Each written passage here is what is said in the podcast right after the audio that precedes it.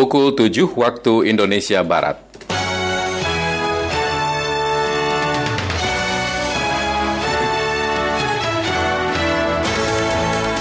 Dari Medan.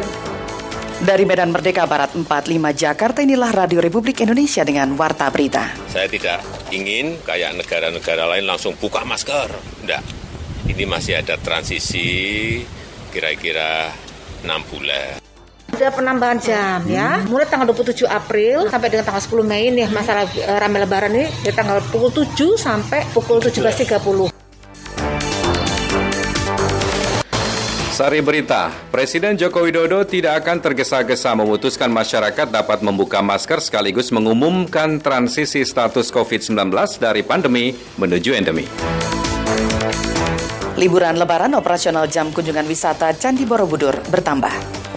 Dan inilah warta berita selengkapnya Selasa 26 April 2022 bersama saya M. Subhan. Dan saya Esti Sulistia.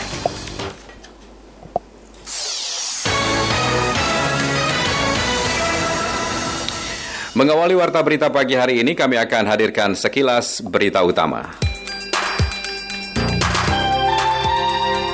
Tim penyidik pada Asisten Tindak Pidana Khusus Kejaksaan Tinggi DKI Jakarta melakukan penyitaan barang bukti dan penyegelan satu kontainer nomor BEAU 4737396 ukuran 40 feet pada hari Senin. Pelaksana tugas PLT Kepala Pusat Data dan Informasi Kapus Datin BNPB Abdul Muhari mengatakan respon BNPB atas perkembangan aktivitas vulkanik Gunung Anak Krakatau mengacu pada situasi potensi bencana yang tengah terjadi. Abdul mengatakan BNPB hingga saat ini belum mengambil langkah-langkah taktis seperti melakukan evakuasi warga. Ia menegaskan hingga saat ini BNPB masih mengamati aktivitas vulkanik Gunung Anak Krakatau. Operator kompetisi PT Liga Indonesia Baru LIB berencana menggulirkan Liga 1 Indonesia musim 2022-2023 mulai bulan Juli 2022 dengan penonton berjumlah sebanyak-banyaknya 100% dari kapasitas stadion dan berskema kandang tandang home and away.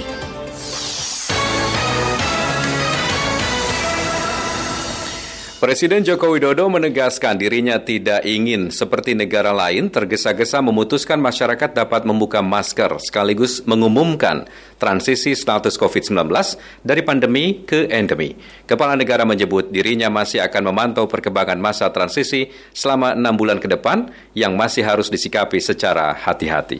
Pradipta Rahadi melaporkan. Kasus harian COVID-19 di Indonesia sudah mulai terkendali. Hal itu dapat dilihat dari angka kasus harian dan kasus aktif yang sudah di bawah angka 20 ribu kasus. Meski demikian, Presiden Joko Widodo menegaskan dirinya tidak ingin seperti negara lain tergesa-gesa memutuskan masyarakat dapat membuka masker sekaligus mengumumkan transisi status COVID-19 dari pandemi menuju ke endemi. Kepala negara menyebut dirinya masih akan memantau perkembangan masa transisi selama enam bulan ke depan yang masih harus disikapi secara hati-hati. Uh, yang pertama memang mudik uh, kita perbolehkan karena melihat angka-angka kasus harian memang uh, sudah sangat rendah dan kasus aktifnya kan sudah di bawah 20 ribu memang rendah tetapi apa pun ada masa transisi yang kita masih harus hati-hati. Saya tidak ingin kayak negara-negara lain langsung buka masker.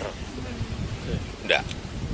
Ini masih ada transisi kira-kira enam bulan. Kita lihat seperti apa, baru nanti silahkan kalau yang di luar ruangan buka masker, kalau di dalam ruangan masih tetap pakai masker. Ada tahapan-tahapan dan kita tidak kita tidak perlu tergesa-gesa. Presiden Jokowi juga menyebut pengalaman saat puncak kasus Delta dan puncak kasus Omikron di Indonesia harus menjadi pembelajaran berharga dalam menangani pandemi COVID-19 di tanah air.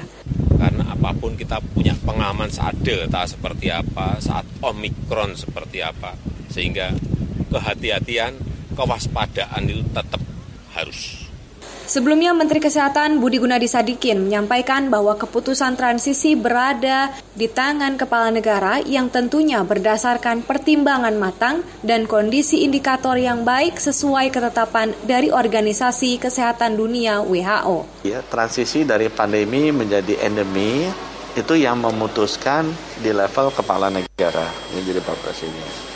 Yang kedua, kita lihat history tidak pernah diputuskan saklek satu dasar pertimbangan saja, pasti kombinasi antara faktor kesehatan, politik, ekonomi, sosial, budaya. Menkes Budi mengatakan Indonesia dapat dinyatakan siap untuk transisi dari pandemi ke endemi jika kesadaran masyarakat terhadap kesehatannya semakin meningkat. Karenanya Menkes menyebut perbaikan kondisi COVID-19 di dalam negeri juga perlu diikuti dengan tanggung jawab dari seluruh lapisan masyarakat. Dari Jakarta, Pradipta Rahadi, Pro 3, RRI. Libur lebaran operasional jam kunjungan wisata Candi Borobudur bertambah. Berikut laporan selengkapnya Widya Cahyono belum mengadakan hiburan atau atraksi karena kan memang untuk menghindari kerumunan itu dulu. PT Taman Wisata Candi Borobudur, Prambanan dan Ratu Boko selaku pengelola Taman Wisata Candi Borobudur akan menambah jam operasional kunjungan wisatawan selama masa liburan lebaran tahun ini. Sekretaris PT Taman Wisata Candi Borobudur, Prambanan dan Ratu Boko, Emilia Eni Utari di Magelang mengatakan, perubahan jam operasional kunjungan wisatawan di Candi Borobudur akan diberlakukan mulai 27 April hingga 10 Mei mendatang yakni buka mulai pukul 7 pagi hingga pukul 17 lebih 30 waktu Indonesia bagian Barat. Sebelumnya, selama masa pandemi, jam operasional kunjungan wisatawan di Candi Peninggalan Dinasti Sailendra tersebut dibuka mulai pukul 8 waktu Indonesia Barat hingga pukul 15 waktu Indonesia bagian Barat setiap harinya. Selain itu, dalam satu harinya ada istirahat kunjungan selama satu jam, yakni mulai pukul 12 hingga pukul 13 waktu Indonesia bagian Barat. Namun selama masa liburan Lebaran ini, jam istirahat wisatawan yang biasa dilakukan pukul 12 hingga 13 waktu Indonesia bagian Barat tersebut ditiadakan. Ada penambahan jam ya, mulai tanggal 27 April sampai dengan tanggal 10 Mei nih masalah uh, rame lebaran ini dari tanggal pukul 7 sampai pukul 17.30. Untuk tiketing pukul 7 sampai pukul 17, tetapi untuk area zona 1 itu clear 17. General Manager Taman Wisata Candi Unit Borobudur Aryono Hendro Malyanto menambahkan, untuk mencegah adanya kerumunan orang selama liburan lebaran, pihaknya tidak akan menggelar atraksi tambahan berupa kesenian tradisional. Saya, saya memang belum mengakomodir beberapa kelompok memang sudah mengajukan ke saya, tetapi karena memperhatikan buan agar tidak terjadi kerumunan dan iya. sebagainya, sementara kami belum uh, bisa menyediakan untuk atraksi dan sebagainya. Meskipun jam operasional pengunjung ditambah, namun pihaknya tetap memperlakukan protokol kesehatan, yakni semua pengunjung wajib memakai masker selama berada di kawasan candi. Hingga saat ini, para wisatawan belum bisa naik ke bangunan struktur candi dan hanya sampai di zona 1 yakni halaman candi saja. Dari Magelang, Widya Cahyono melaporkan.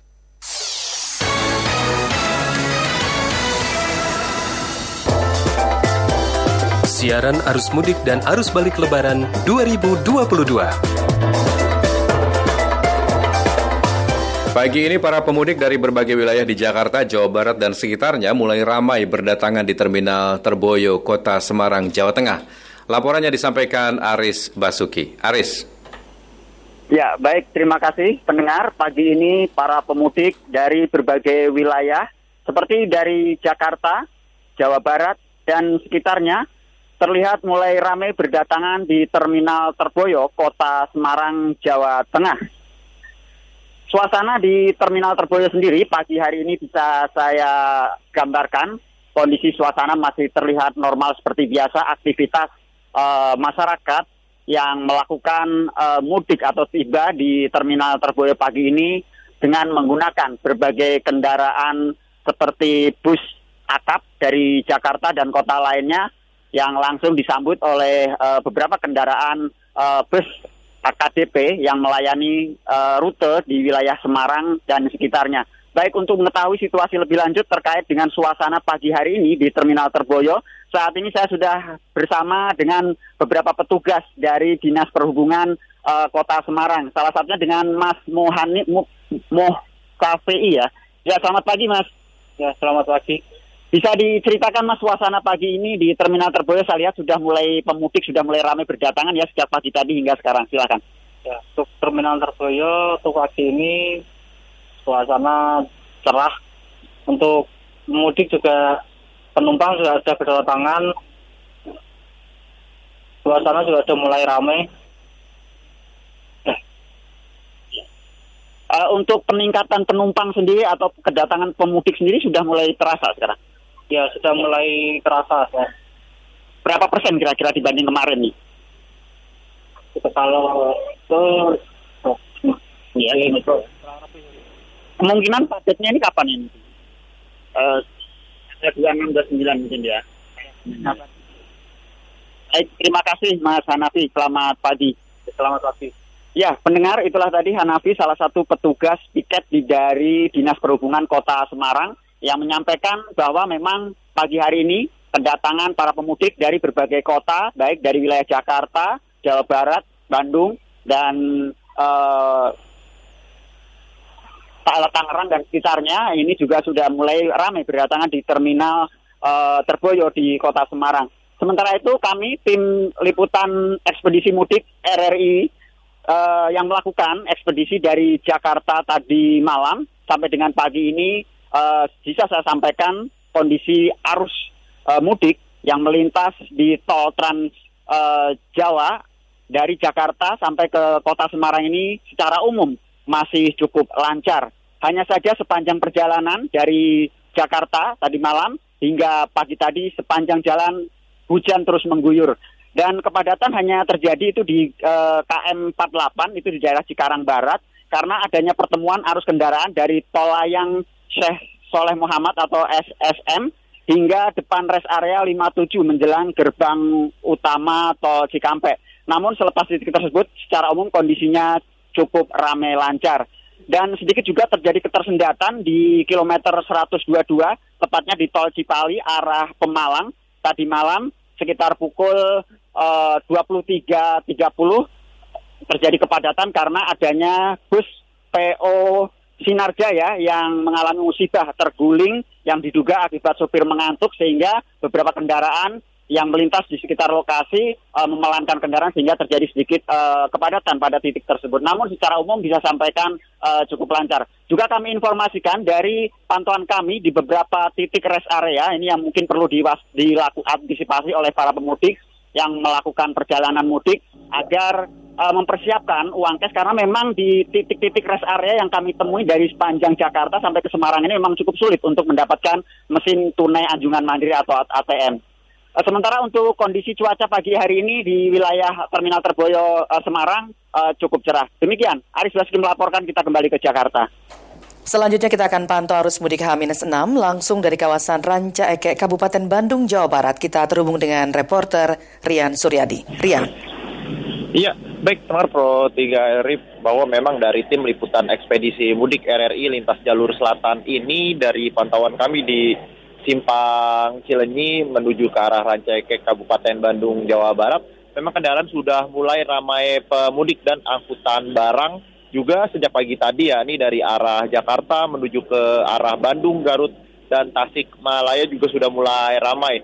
Dan hal tersebut mendengar bahwa terjadi uh, kepadatan karena memang angkutan barang seperti truk ini akan ada larangan operasional jelang puncak arus mudik lebaran nantinya. Dan juga benar uh, selepas gerbang tol Cilenyi juga tadi sempat kami pantau yang mengarah menuju ke arah Garut dan juga Tasikmalaya ini dipadati oleh kendaraan uh, roda dua di pagi hari ini. Terlihat juga memang puluhan petugas kepolisian terus melakukan penjagaan dan pengamanan lalu lintas di kawasan Cilenyi sampai dengan jalur arteri Ranca Ekek Kabupaten Bandung Jawa Barat diketahui juga pendengar bahwa memang kepadatan lalu lintas diperkirakan akan terjadi pada masa mudik lebaran tahun ini.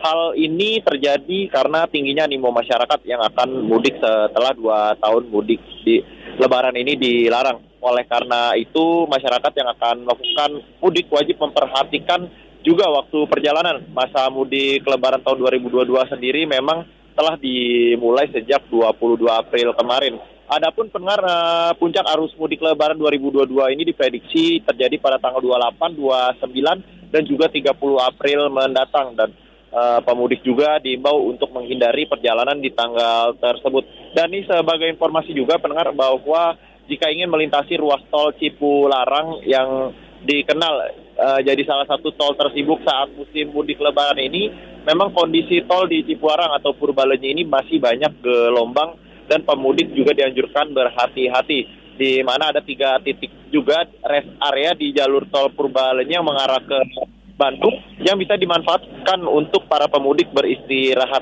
Demikian pendengar dari tim liputan ekspedisi mudik RRI lintas jalur selatan Rian Suryadi Pro 3 RRI kembali ke studio. Selanjutnya kami akan menuju ke jalur barat arus mudik H-6. Kita akan sudah oh kita sudah terhubung dengan Dendi Fahrensyah yang akan melaporkan suasana mudik dari Pelabuhan Merak di Lampung. Dendi, laporan Anda. Dendi. Ya, Dendi, laporan Anda. Baik, kami enam hari menjelang Lebaran Idul Fitri 1443 Hijriah, pada pagi hari ini di Pelabuhan Merak Banten terlihat mulai lengang. Situasi ini cukup berbeda dibanding pada saat malam hingga dini hari tadi, yang mana terjadi uh, kepadatan atau juga keramaian kendaraan yang uh, tiba di Pelabuhan Merak untuk menyeberang ke Pelabuhan Bakauheni uh, Lampung. Sementara pagi, pada pagi hari ini tidak terlihat aktivitas yang begitu berarti, baik di dermaga maupun gangway-gangway yang digunakan oleh para pejalan kaki untuk menuju ke pelabuhan atau juga dermaga mereka untuk menaiki kapal. Dan memang untuk kepadatan tersendiri uh, hari kemarin, uh, malam tadi dan juga sampai dini hari tadi memang aktivitas kepadatan kendaraan ini masih didominasi oleh kendaraan pribadi. Namun di satu sisi kendaraan jenis lain juga mendominasi yaitu kendaraan truk pengangkut barang yang uh, banyak juga mengantri di pelabuhan Merak Banten khususnya di dermaga 6, di dermaga 2 dan dermaga 3 yang terpantau oleh kami. Dan sebagian di antara mereka memang mengaku sengaja melakukan aktivitas penyeberangan ke Pulau Sumatera lebih cepat sebelum diberlakukannya pembatasan untuk kendaraan truk uh, oleh Kementerian Perhubungan. Uh, seperti yang kami uh, dapat laporan dari beberapa supir truk yang kami wawancarai, mereka mengatakan bahwa setidaknya uh, hal ini dilakukan untuk menghindari pembatasan pada tanggal 28 April 2022 besok. Dan uh, banyak supir truk yang memilih untuk melakukan perjalanan lebih cepat ini karena uh, selain menghindari pembatasan juga ingin menghindari kondisi cuaca di pelabuhan Merak yang uh, belakangan ini memang sering diguyur hujan meskipun dengan intensitas yang uh, sedang dan kepadatan uh, di dermaga 2 dan dermaga 3 serta dermaga uh, eksekutif 6 ini merupakan area-area yang masih dipadati oleh kendaraan kendaraan pribadi maupun kendaraan truk pengangkut barang. Meski begitu, pendengar uh, tidak terjadi hal-hal yang berarti selama perjalanan uh, menuju ke Pelabuhan Merak. Uh, pengendara biasanya akan mendapati kepadatan di luar atau pintu keluar uh, tol Merak yaitu di Jalan Cikuasa, Cikuasa Atas yang merupakan jalan penghubung menuju ke Pelabuhan Merak. Hal ini karena ada pertemuan arus antara Cikuasa Atas dan Cikuasa Bawah yang merupakan jalur arteri yang biasa dilalui oleh para pengendara motor dan juga bus bus angkutan umum. Namun uh, dari direk, direksi direktur komersial dan pelayanan PT ASDP yaitu M Yusuf Hadi ini membenarkan bahwa dalam beberapa hari terakhir aktivitas atau volume kendaraan truk masih mendominasi penyeberangan di Pelabuhan Merak menuju Pelabuhan Bakahuni. Uh, Hadi menyebut bahwa kendaraan truk sampai sejauh ini sudah mengalami kenaikan sebesar 95 persen dari tahun 2019 dengan periode yang sama. Namun begitu, ASDP belum memperlakukan hal-hal yang menjadi antisipasi. Artinya saat ini ASDP masih memperlakukan sistem trik yang normal dan juga jumlah kendaraan atau jumlah kapal yang disiapkan sebanyak 68 unit untuk semua jenis kendaraan. Selain ke keberangkatan di Pelabuhan Merak, uh, aktivitas kedatangan juga masih didominasi oleh kendaraan truk uh, yang dari arah Sumatera menuju ke Pulau Jawa. Hal ini berkaitan dengan penyediaan kebutuhan logistik menjelang Hari Raya Idul Fitri mantap nanti. Dan seperti yang diketahui pendengar bahwa Kementerian Perhubungan ini melakukan manajemen rekayasa lalu lintas, salah satunya menyangkut pembatasan angkutan barang yang mengatur waktu pembatasan pembatasan operasional angkutan barang di ruas jalan tol maupun non jalan tol atau jalan nasional untuk arus mudik mulai tanggal 28 April sampai 1 Mei 2022 dan arus balik mulai 6 sampai 9 Mei 2022. Demikian pendengar yang dapat saya laporkan dari Merak Banten ke Ya, sementara itu pagi ini di res area 102 Tol Cipali sudah mulai sepi usai makan sahur kendaraan yang berada di sekitar res area. Ini para pemudik langsung melanjutkan perjalanan mereka. Laporan akan disampaikan Yorike Fitri. Yorike? Yorike Fitri?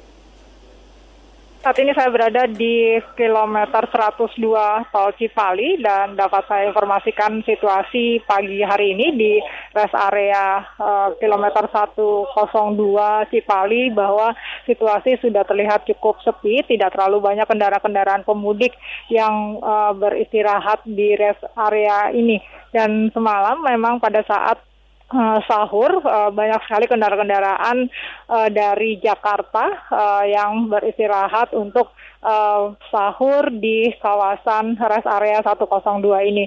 Dan sementara itu dari pantauan kami uh, bagi para pemudik yang uh, beristirahat uh, dapat menikmati uh, makanan atau kuliner yang disajikan uh, oleh uh, warung uh, makan di sekitar rest area 102 ini dan juga uh, beberapa uh, personil dari aparat kepolisian dari Polsek uh, Polres Subang juga uh, mendirikan uh, posko uh, pengamanan di sekitar rest area uh, kilometer 102 dan juga kilometer 101. Sementara itu di uh, bagi pemudik juga uh, bisa memanfaatkan fasilitas uh, di sekitar rest area 102 ini dengan uh, melakukan uh, sholat uh, berjamaah di masjid yang memang uh, telah disediakan bagi para pemudik untuk beristirahat dan menikmati uh, makanan atau kuliner di kawasan uh, Tol Cipali. Dan untuk kondisi cuaca pagi hari ini uh, terlihat cerah berawan. Demikian, Yuriko Fitri melaporkan langsung dari Tol Cipali, tepatnya di kilometer 102 kembali ke studio. Demikian siaran arus mudik dan arus balik lebaran 2022.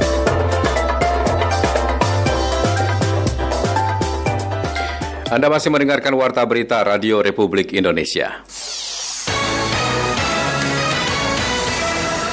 Hari kesiapsiagaan bencana, pemerintah berharap seluruh unsur masyarakat dapat berperan aktif mengurangi resiko bencana.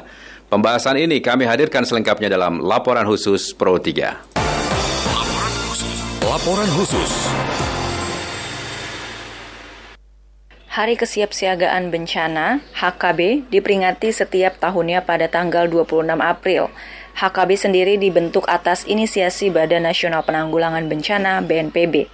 Tujuannya untuk mengajak semua pihak meluangkan waktu satu hari untuk melakukan latihan kesiapsiagaan bencana secara serentak.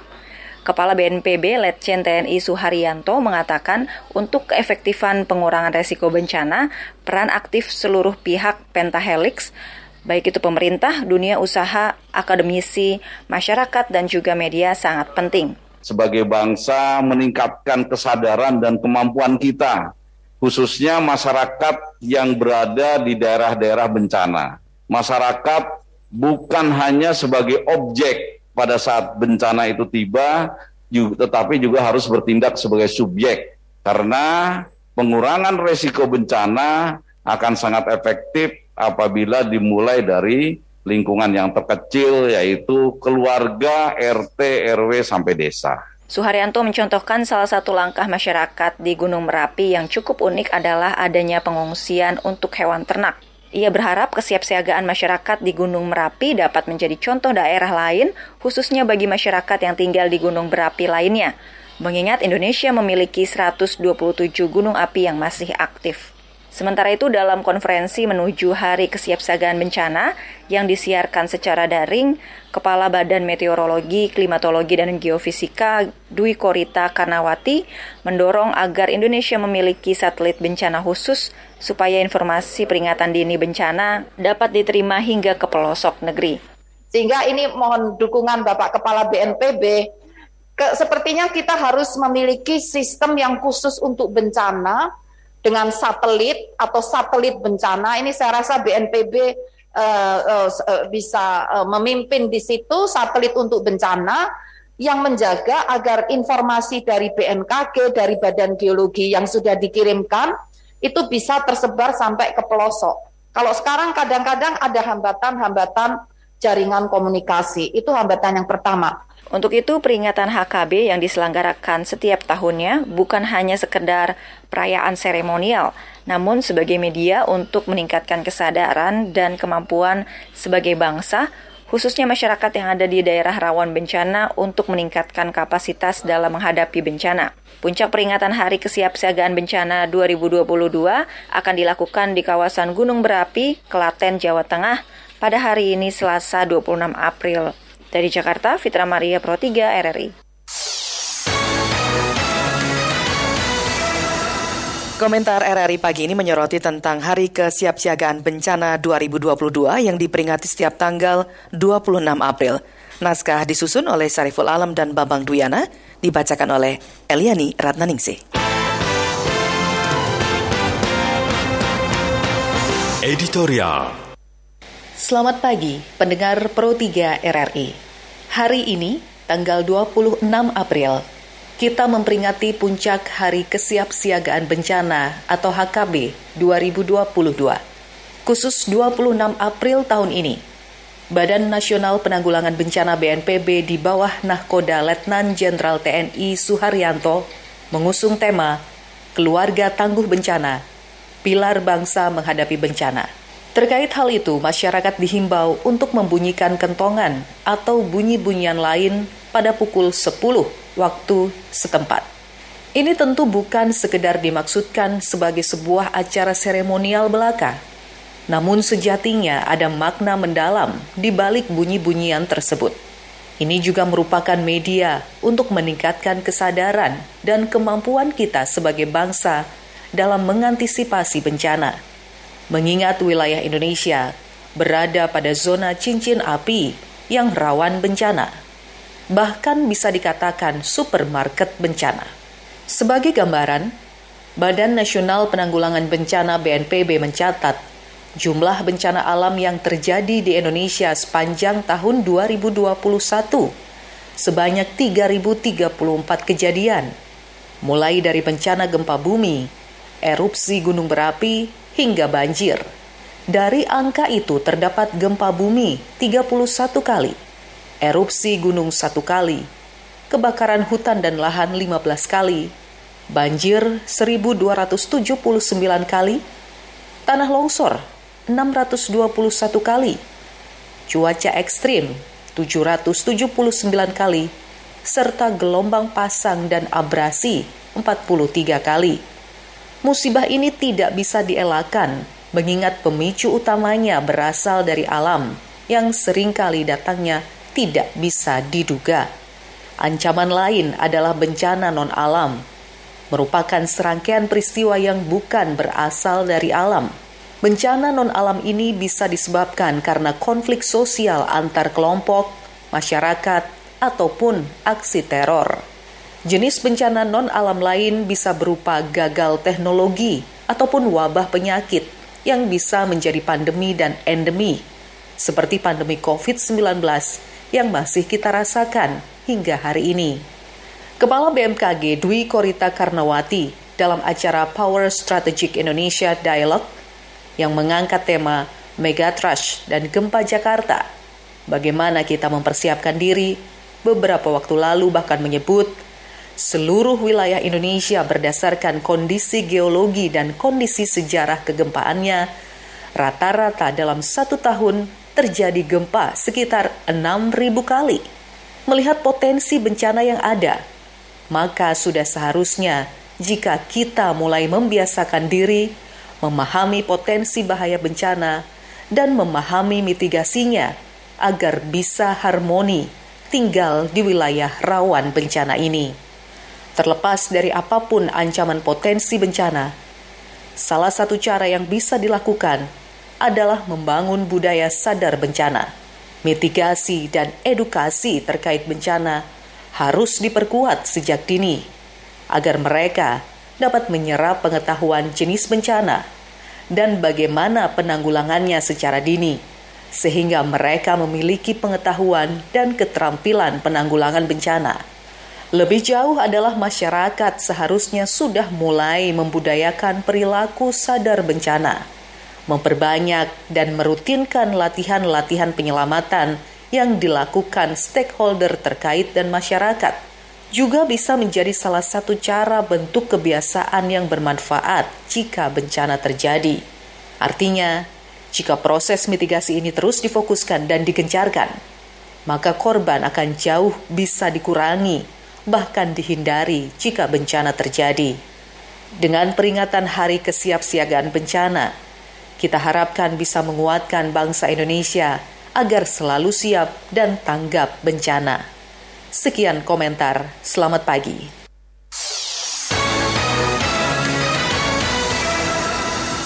Seorang awak kapal Indonesia bernama Surya Hidayat Pratama telah tiba dengan selamat di Jakarta setelah dibebaskan dari penahanan kelompok Houthi di Yaman selama 111 hari. Surya yang merupakan ship officer yang bekerja di kapal Riwabi berbendera Persatuan Emirat Arab tiba di Jakarta pada Senin kemarin, menurut keterangan Kementerian Luar Negeri. Sebelumnya pada 3 Januari 2022, kapal Ruabi beserta seluruh awak kapal ditahan kelompok Houthi saat berlayar di perairan Al-Huwaidad, Yaman. Selama masa penahanan, Kemenlu beserta KBRI Muscat, KBRI Riyadh, dan KBRI Abu Dhabi mengupayakan pembebasan Surya melalui komunikasi dengan berbagai pihak. Kemenlu RI juga terus berkomunikasi dengan keluarga Surya di Makassar.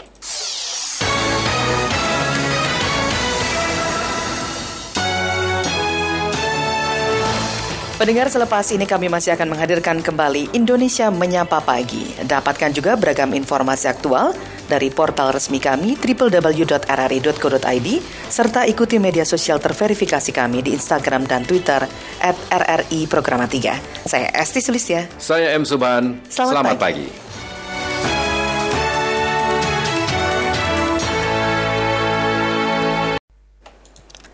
Pukul 13 waktu Indonesia Barat.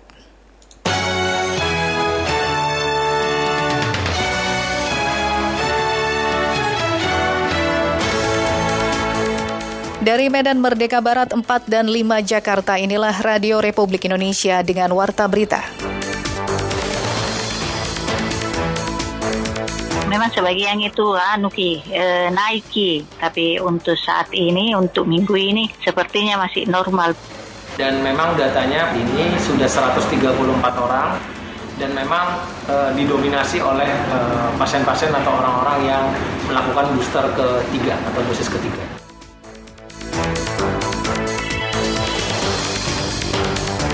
Sari Berita, harga bahan pokok di Pasar Kampung Baru Kota Makassar terpantau stabil. Warga Banjarbaru, Kalimantan Selatan banyak yang mengajukan permintaan vaksin booster. Pemerintah Filipina sangat berhati-hati dalam membuka kembali kegiatan masyarakat.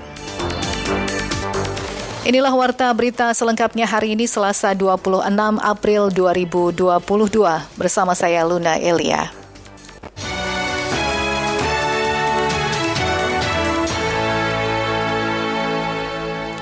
Untuk mengawali warta berita siang ini kami akan hadirkan sekilas berita utama.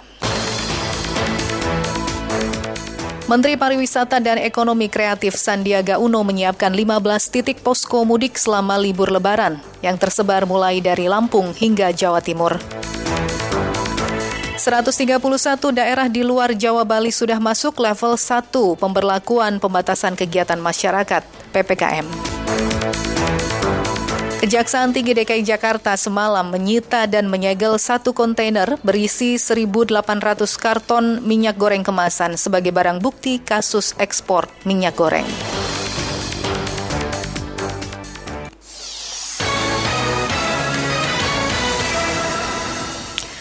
Saudara menjelang Hari Raya Idul Fitri 2022, harga bahan pokok di Pasar Kampung Baru Kota Makassar, Sulawesi Selatan terpantau stabil. Kita simak laporan selengkapnya bersama Kiswanti Ruslia. Memang sebagian itu anu ki e, ki. Yang paling terasa ini bahan-bahan kue. Naik sekali ki. Berdasarkan pantauan harga bahan pokok di salah satu pasar tradisional di kota Makassar, yakni Pasar Kampung Baru, terpantau stabil. Hanya saja, terdapat beberapa bahan pokok yang mengalami kenaikan, seperti minyak goreng kemasan yang dibanderol dengan harga Rp55.000 per 2 liter, gula pasir dari Rp12.500 per kilo naik secara bertahap menjadi Rp14.500 per kilo, kemudian naik lagi menjadi Rp18.000 per kilo. Kemudian terigu dari Rp9.000 per kilo menjadi Rp11.500 per kilo. Salah seorang pembeli, Nur Hayati, mengaku dalam satu minggu terakhir jelang Hari Raya Idul Fitri ini, tingkat harga di pasaran belum menunjukkan tren yang signifikan. Selain itu, ia mengaku tidak begitu mempermasalahkan kenaikan harga tersebut karena Nur Hayati menilai euforia masyarakat menyambut Idul Fitri tahun ini lebih tinggi dibanding dua tahun sebelumnya. Memang sebagian itu anu e, naik ki tapi untuk saat ini, untuk minggu ini, sepertinya masih normal. Mungkin tiga hari ke depan lah, semua akan naik. Yang paling terasa ini bahan-bahan kue, naik sekali ki. Sementara itu, PLT Direksi Perumda Pasar, Samsul Bahri mengatakan, dalam satu minggu terakhir jelang Hari Raya Idul Fitri, pihaknya intens melakukan pemantauan dan pengawasan terhadap stok dan harga bahan pokok di pasar-pasar tradisional. Dikatakan, komunikasi dengan para pedagang pun dilakukan secara berkala. Di sisi lain, pihaknya telah menyediakan website yang bisa diakses masyarakat untuk melihat harga bahan pokok di semua pasar tradisional di kota Makassar. Uh, yang sekarang kita lakukan adalah memberikan secara digital di website kami itu memberikan gambaran bahwa harga uh, setiap harinya terupdate pasar ini sekian harganya. Ya masyarakat kita bisa cerdas melihat oh pasar terong kenaikannya ada seperti ini. Oh di pasar lain tidak. Nah, maka dengan adanya informasi ini maka tidak semena-mena pedagang melakukan kenaikan-kenaikan harga yang secara signifikan karena kenapa? Belum tentu di pasar lain naik. Samsul Bahri mengimbau khususnya kepada para pedagang agar tidak memanfaatkan momen Ramadan dengan memainkan harga yang sudah ditetapkan pemerintah. Adapun hasil pantauan harga bahan pokok di pasar Kampung Baru yang terpantau stabil, yakni bawang merah dan bawang putih, dibanderol dengan harga Rp35.000 per kilo, cabai merah besar dan cabai rawit Rp45.000 per kilo, cabai merah keriting Rp55.000 per kilo, daging ayam Rp55.000 per kilo. Dari Makassar kita menuju ke Nusa Tenggara. Dinas Pertanian dan Bulog Provinsi Nusa Tenggara Barat memastikan bahan pokok kebutuhan masyarakat seperti beras, cabai, dan komoditas lainnya tersedia dengan harga yang terjangkau. Selengkapnya kita bergabung untuk menyimak laporan bersama reporter Hayatun Sofian. Insya Allah aman. Aman ya? Aman. Kan setiap hari dilaporkan. Pemerintah Provinsi Nusa Tenggara Barat melakukan berbagai langkah strategis bersama stakeholder terkait dalam memastikan ketersediaan bahan pokok selama Ramadan hingga Lebaran Idul Fitri 1443 Hijriah. Ketercukupan bahan pangan ini sangat penting untuk menjaga stabilitas daya beli masyarakat serta harga yang terjangkau. Kepala Dinas Pertanian dan Perkebunan Provinsi Nusa Tenggara Barat, Muhammad Riyadi mengatakan, komoditas pertanian di daerah ini sangat mencukupi bagi pemenuhan kebutuhan masyarakat tidak hanya untuk Ramadan dan Lebaran Idul Fitri 1443 Hijriah, namun beberapa bulan ke depan. Karenanya masyarakat diminta tidak perlu khawatir, mengingat bahan pangan ini sangat surplus ketersediaannya. Tidak usah khawatir, ngapain panik buying itu kita udah produksi kok. Mau apa cari apa ya di NTB? Mau padi kita surplus, mau jagung kita surplus. Oh aman, insya Allah. Bapak mau cari apa? Makanya saya tanya tadi kan dari laporan yang diupdate sama Pak Sekda, ke, dilaporkan ke Mendagri dan kami juga rajin uh, melaporkan data uh, data produksi di Kementerian Pertanian, insya Allah aman. Sementara itu pimpinan Pimpinan Wilayah Pinwil Bulog Nusa Tenggara Barat Abdul Muiz menegaskan, stok bahan pokok utamanya beras di gudang-gudang Bulog sangat melimpah. Bahkan gula pasir, minyak goreng, daging juga sangat tersedia. Dalam menstabilkan harga di pasaran, pihaknya bersama pemerintah provinsi dan kabupaten kota melakukan operasi pasar. Tujuh pasar di kota Mataram menjadi sasaran utama operasi pasar, khususnya minyak goreng curah dengan harga terjangkau yakni Rp14.000 per liter. Terutama menghadapi lebaran ini, puasa lebaran ini, Bulog NTB senantiasa menjaga ketersediaan beras, gula, minyak goreng, bahkan daging pun kita sudah masuk dan sudah menyiapkan daging lokal uh, untuk masyarakat, baik daging sapi, daging ter, e, kambing pun juga sudah ada tersedia. Bahkan turunannya pun sudah kita coba seperti buat abon dan lain-lain. Nah itu sudah kita terus jaga ketersediaannya. Keterjangkauan harga kebutuhan pokok menjadi fokus perhatian pemerintah bersama Bulog sehingga operasi pasar dan pasar murah upaya yang ditempuh. Masyarakat juga diminta untuk melakukan pembelian seperlunya yakni sesuai dengan kebutuhan dan tidak membeli secara berlebihan. Langkah ini dinilai penting sehingga tidak terjadi gejolak di tengah masyarakat yang berdampak terhadap kenaikan harga akibat panik buying. Selanjutnya pendengar kami ajak Anda untuk menyimak informasi terkini arus mudik dan balik lebaran 2022.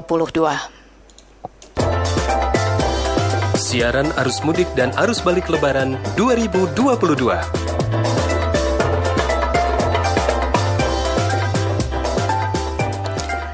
Pendengar Kepala Kepolisian Republik Indonesia Kapolri Jenderal Polisi Listio Sigit Prabowo dijadwalkan siang ini meninjau rencana rekayasa arus lalu lintas di Tol Cikampek. Lalu seperti apa kondisi saat ini di lokasi? Kita bergabung dengan reporter kami Agus Wijananto di Tol Cikampek. Anto silakan informasi selengkapnya. Ya baik, terima kasih pendengar. Saat ini saya berada di pos pelayanan operasi ketupat Lodaya 2022 yang dibuat oleh Polres Karawang Polda Jawa Barat di rest area kilometer 57 tol Jalan Tol Cikampek arah ke Cikampek.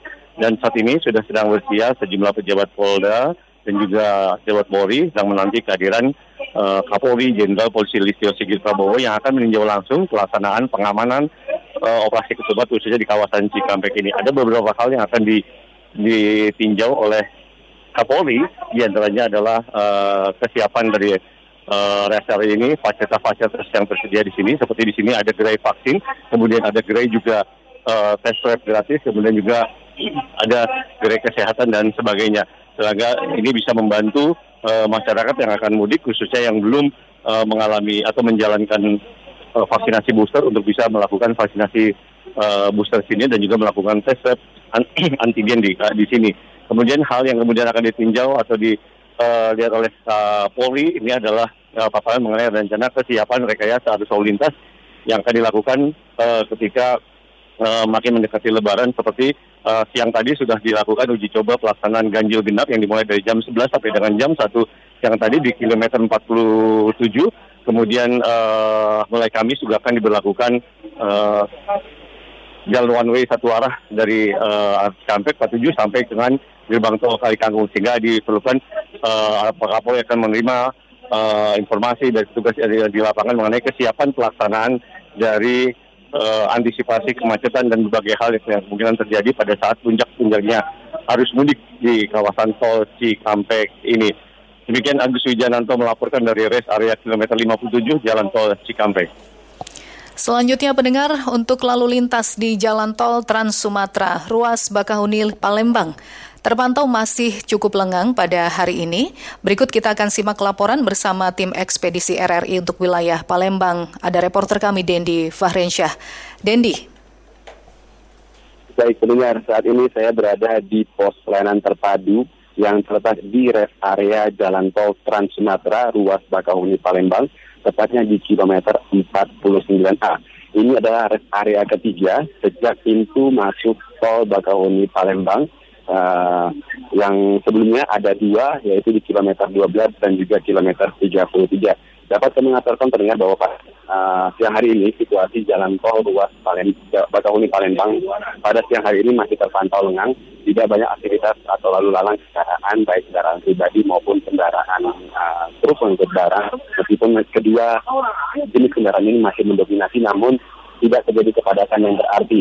Di area 49 A ini juga kami laporkan bahwa tidak ada penumpukan uh, pemudik atau juga pengendara yang beristirahat di sini. Masih terlihat cukup lengang terlihat dari area parkir yang masih banyak yang kosong.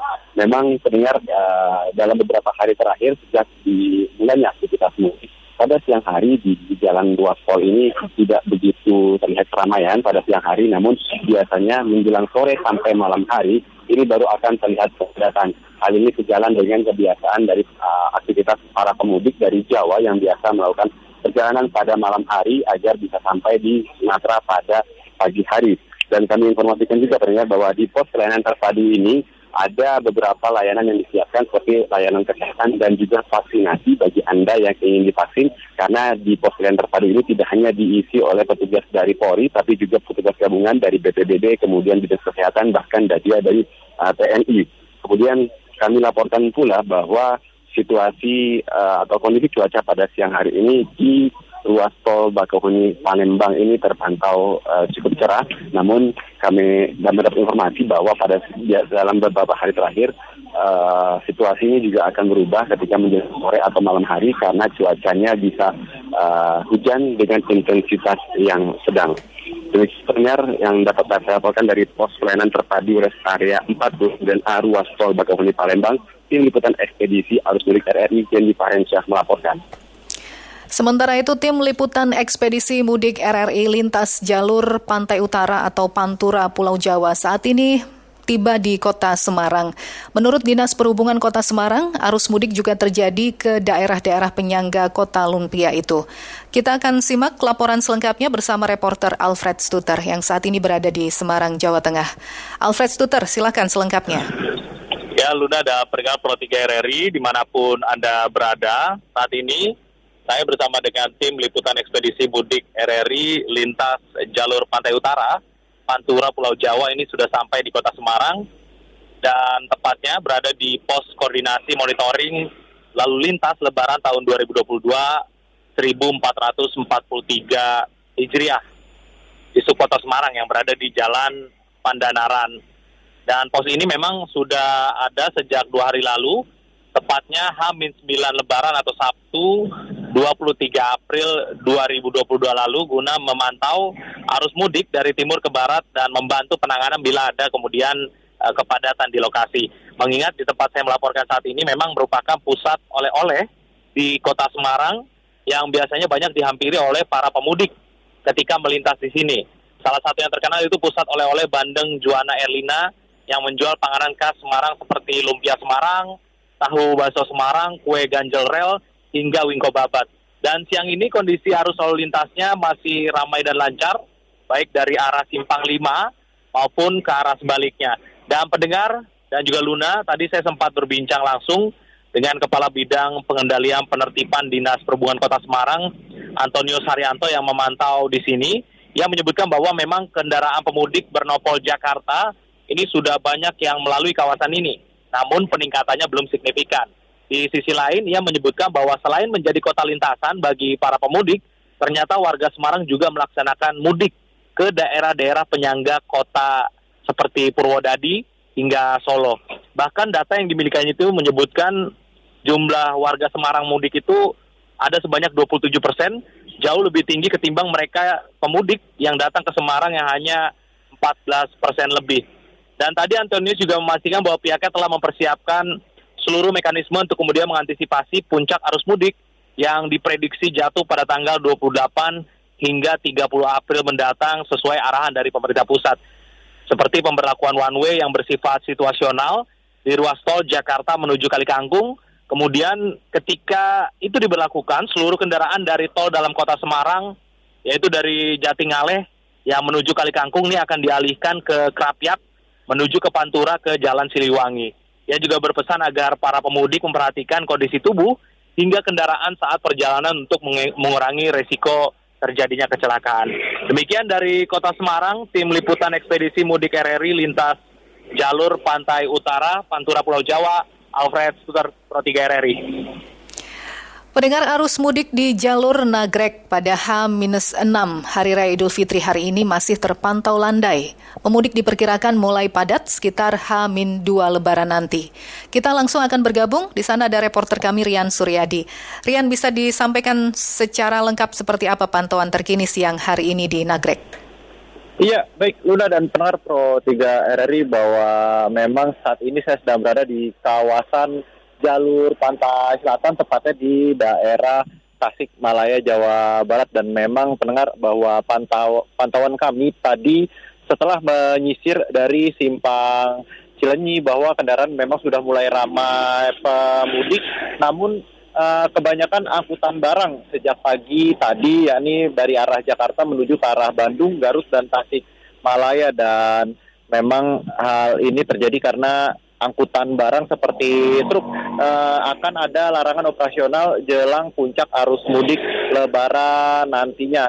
Namun untuk di jalur Nagrek sendiri seperti di kawasan pertigaan Cagak dan juga Nagrek memang tadi terpantau masih landai kendaraan berplat B atau dari arah Jakarta yang menuju ke arah Jawa Tengah menuju jalur pantai selatan ini dan uh, memang uh, pendengar uh, diketahui kepadatan lalu lintas diperkirakan terjadi memang pada masa mudik lebaran tahun ini. Namun tidak uh, namun nanti hanya di tanggal 27, 28, 29 dan juga 30 dan tadi juga benar kami sempat memantau beberapa posko di kawasan jalur selatan ini seperti di posko di Nagrek dan juga posko di kawasan Limbangan karena beberapa posko tersebut telah menyediakan beberapa fasilitas untuk para pemudik uh, seperti yang ingin mengecek kesehatan ataupun memberikan atau beristirahat sejenak uh, setelah melakukan perjalanan jauh dari Jakarta menuju ke Jawa Tengah melalui jalur selatan ini. Dan di posko tersebut juga terdapat posko pemadam kebakaran dan juga Basarnas di mana memang di jalur selatan ini merupakan jalur yang berkelok-kelok dan banyak sekali bukit ataupun uh, sawah. Dan uh, memang di jalur ini merupakan jalur yang rawan longsor ketika musim hujan datang. Dan nantinya memang petugas selalu mengimbau kepada para pemudik agar tetap berhati-hati dalam uh, melakukan mudiknya melalui jalur selatan ini di mana pendengar uh, bahwa di posko kawasan Limbangan juga uh, pemudik dapat melakukan atau mencari tahu informasi dari pihak kepolisian uh, ke mana saja jalur alternatif ketika nanti terjadi kemacetan di salah satu titik di jalur selatan ini. Demikian pendengar dari tim liputan ekspedisi mudik RRI lintas jalur selatan Rian Suryadi Pro 3 RRI. Pendengar satu pekan jelang Hari Raya Idul Fitri, calon penumpang di Bandara Internasional Minangkabau, Sumatera Barat mulai meningkat. Berikut informasinya akan dilaporkan reporter Melati Oktawina. Melati silakan informasi selengkapnya. Ya, terima kasih. Baik pendengar RRI di mana pun Anda berada. Bandara Internasional Minangkabau atau BIM telah mencatat terjadinya peningkatan penumpang bahkan sejak 10 hari menjelang lebaran. Nah, kenaikan penumpang ini sudah mencapai hampir 50 persen, uh, yakni sudah berkisar di angka 6.500 orang lebih dibandingkan di hari-hari biasanya yang hanya berkisar di angka 3.000 sampai 4.000 orang per harinya. Menurut Eksekutif General Manager PT Angkasa Pura II BIM Siswanto, bahwa tercatat pada hari ini ada 54 kali penerbangan pulang pergi dan uh, sebelumnya kemarin juga ada 48 kali penerbangan dan pada hari Minggu juga terdapat 52 kali penerbangan dengan jumlah penumpang mencapai 6.500 orang lebih Bahkan di hari sebelumnya juga tercatat di angka 6 ribuan. Kiswanto memprediksikan bahwa kenaikan penumpang akan terus terjadi hingga satu hari menjelang lebaran. Dengan puncak arus mudik diperkirakan pada 29 dan 30 Mei yang dapat uh, mencapai 8.000 lebih penumpang.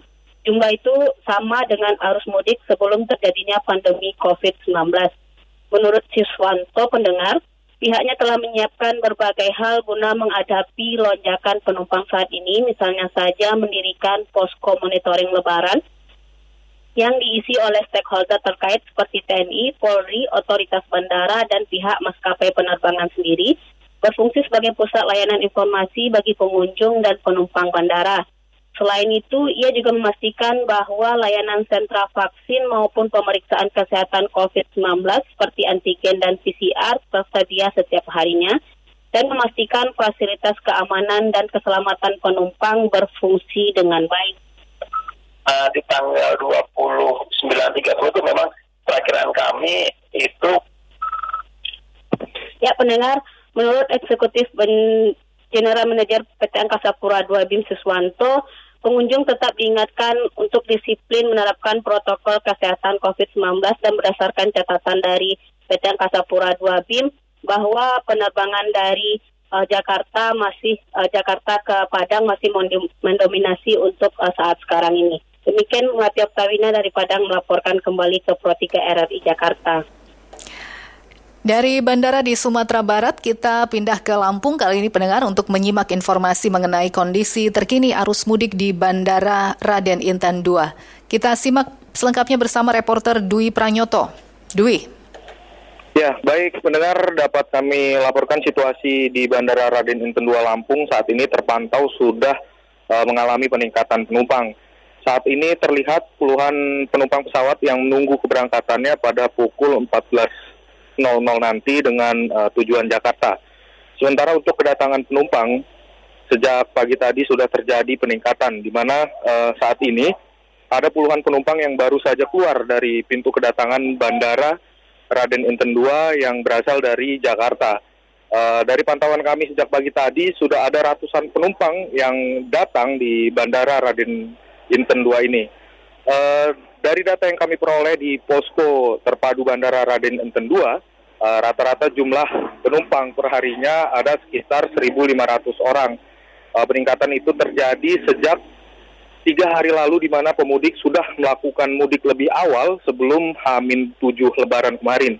Untuk Hamin 7 kemarin, penumpang yang datang ke Bandara Raden Inten II ini tercatat ada sebanyak 1.347 eh, penumpang dari Jakarta dengan 8 penerbangan.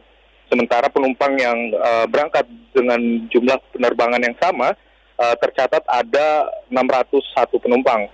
Jumlah tersebut dengar akan diprediksi meningkat sebab antusias masyarakat yang akan mudik lebaran tahun ini meningkat seiring dengan uh, diperbolehkannya mudik oleh pemerintah.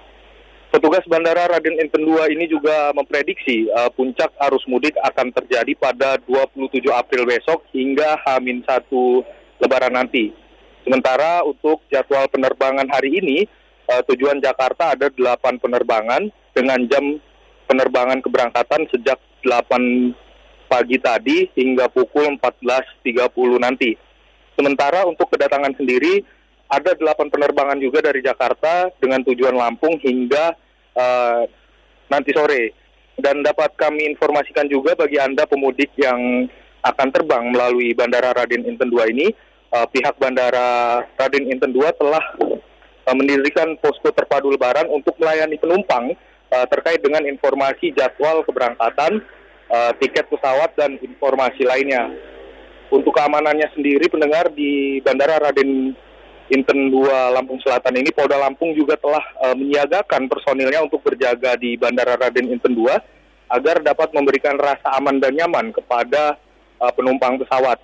Sementara untuk cuaca sendiri di Bandara Raden Inten 2 hingga siang hari ini uh, masih terpantau cerah sehingga memungkinkan untuk melakukan penerbangan sesuai jadwal. Sementara itu yang dapat kami laporkan dari Bandara Raden Inten 2 kembali ke Luna. Pendengar demikianlah informasi arus mudik yang kami hadirkan siang ini. Demikian siaran arus mudik dan arus balik lebaran 2022. Kita ke informasi lain pendengar warga Banjarbaru, Kalimantan Selatan banyak yang mengajukan permintaan vaksin booster, utamanya menjelang puncak arus mudik lebaran 1443 Hijriah. Hal ini karena vaksin booster menjadi syarat melakukan perjalanan selama pandemi. Kita simak laporan bersama Aulia Rahman dari RRI Banjarmasin.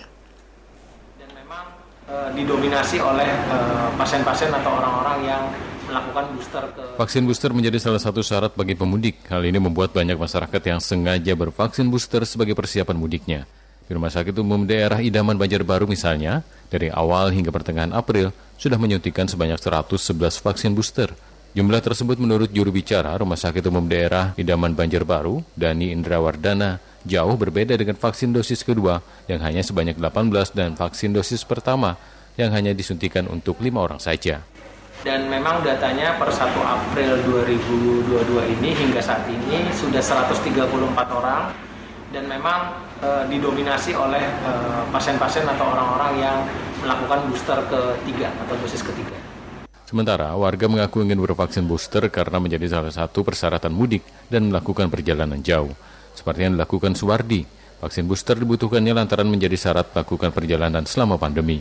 Warga berharap dengan bervaksin booster perjalanan mudiknya akan semakin terasa tenang dan angka penularan COVID-19 bisa tetap terkendali sehingga bisa segera melewati masa pandemi. Vaksin ketiga booster, kalau vaksin mudik sama persiapan ya ini sih apa namanya kalau jadi apa namanya umroh Sebelumnya aturan mudik lebaran 2022 untuk vaksin dosis 1 dan 2 telah dikeluarkan oleh tim Satgas COVID-19 yang di antaranya berisikan wajib menunjukkan hasil negatif antigen dan PCR jika ingin melakukan mudik. Namun bagi warga yang sudah melakukan vaksin sebanyak tiga kali alias booster, tidak diwajibkan menunjukkan hasil tes negatif COVID-19, baik tes PCR maupun rapid antigen.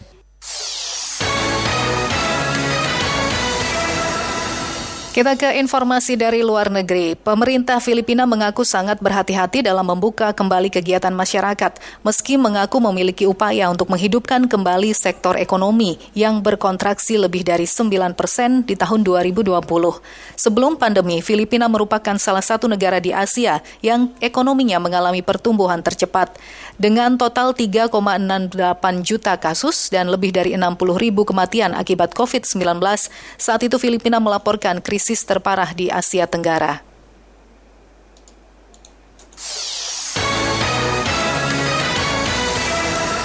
Kita ke informasi olahraga. Tim nasional Fofinam Indonesia melakukan evaluasi berkala mengingat waktu menuju perhelatan SEA Games semakin dekat. Kita simak laporannya bersama Putu Nirawati.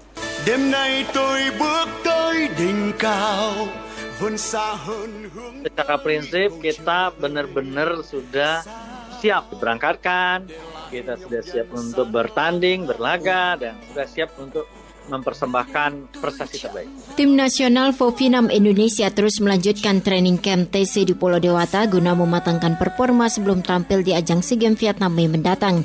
Manajer Timnas Fofinam Indonesia Isnaldi Muhammadini dihubungi RRI hari ini menuturkan saat ini tim pelatih terus melakukan evaluasi berkala untuk memperbaiki kekurangan para atlet baik dari segi fisik maupun teknik.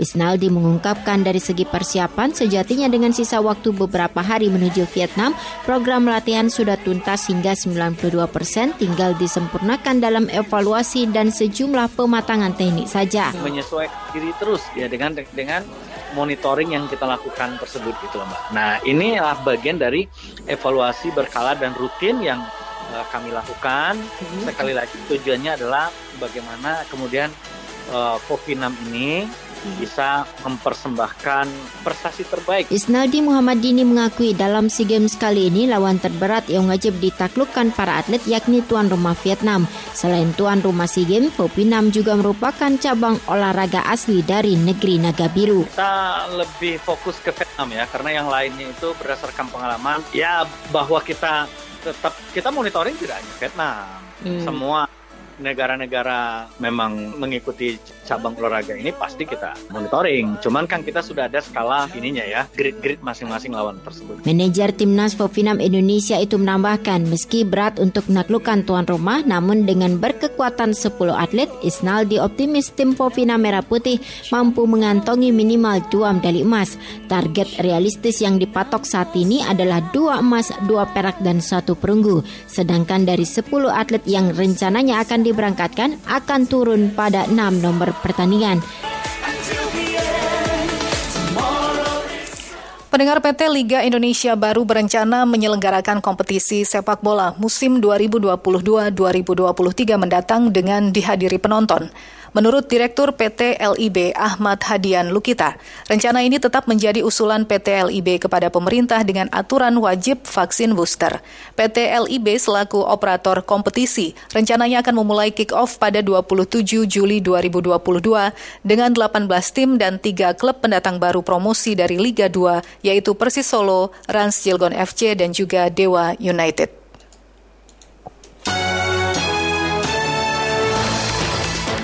Demikianlah Warta Berita Pro 3 Radio Republik Indonesia. Kami harap Anda tetap bersama kami untuk menyimak kembali program Indonesia Menyapa Siang. Anda bisa juga mendapatkan informasi aktual lain melalui portal resmi kami rri.co.id serta ikuti media sosial terverifikasi kami di Instagram dan juga Twitter at RRI Programa 3. Mewakili tim yang bertugas, saya Luna Elia undur diri dan selamat siang.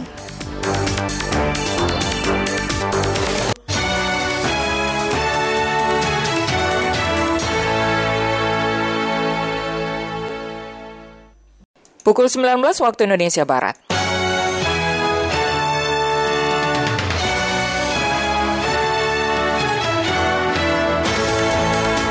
Dari Medan Merdeka Barat 45 Jakarta inilah Radio Republik Indonesia dengan Warta Berita. Polri berkomitmen akan memberikan pelayanan terbaik agar para pemudik dapat melaksanakan perjalanan dengan aman dan nyaman serta sehat pembangunan budaya sadar bencana tidak hanya bisa dilakukan oleh pemerintah saja, diperlukan kolaborasi pentahelik dari berbagai lini.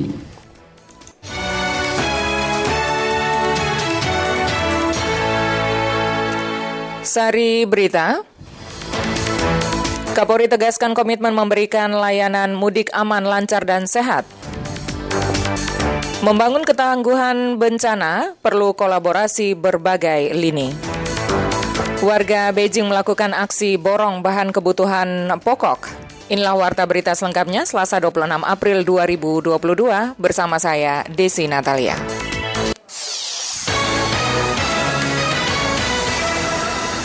Saudara mengawali warta berita malam ini kami sampaikan sekilas berita utama.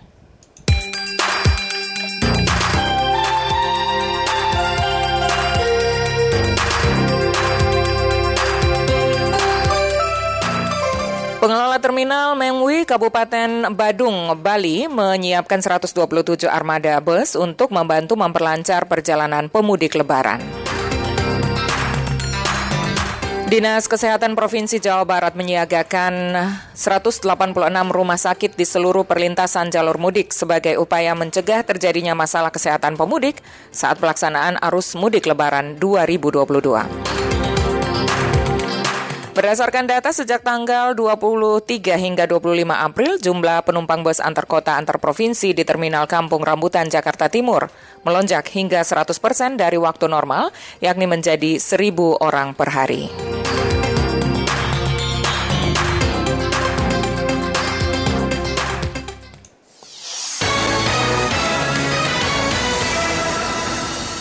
Kepolisian Republik Indonesia menegaskan komitmennya untuk memberikan pelayanan terbaik kepada para pemudik agar dapat melakukan perjalanan ke kampung halaman dengan aman dan nyaman serta sehat.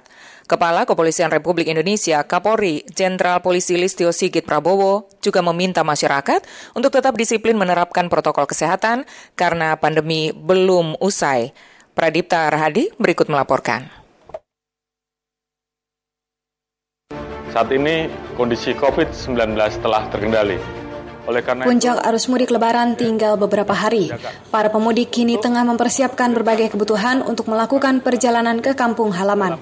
Melihat animo dan antusiasme tinggi mudik kali ini, Kepala Kepolisian Republik Indonesia Jenderal Polisi Listio Sigit Prabowo menegaskan pihaknya sangat berkomitmen untuk memberi pelayanan terbaik agar pemudik dapat melakukan perjalanannya ke kampung halaman dengan aman dan nyaman serta sehat. Kapolri berujar keselamatan, kenyamanan, dan keamanan para pemudik dan kelancaran mudik lebaran 2022 menjadi prioritas mereka.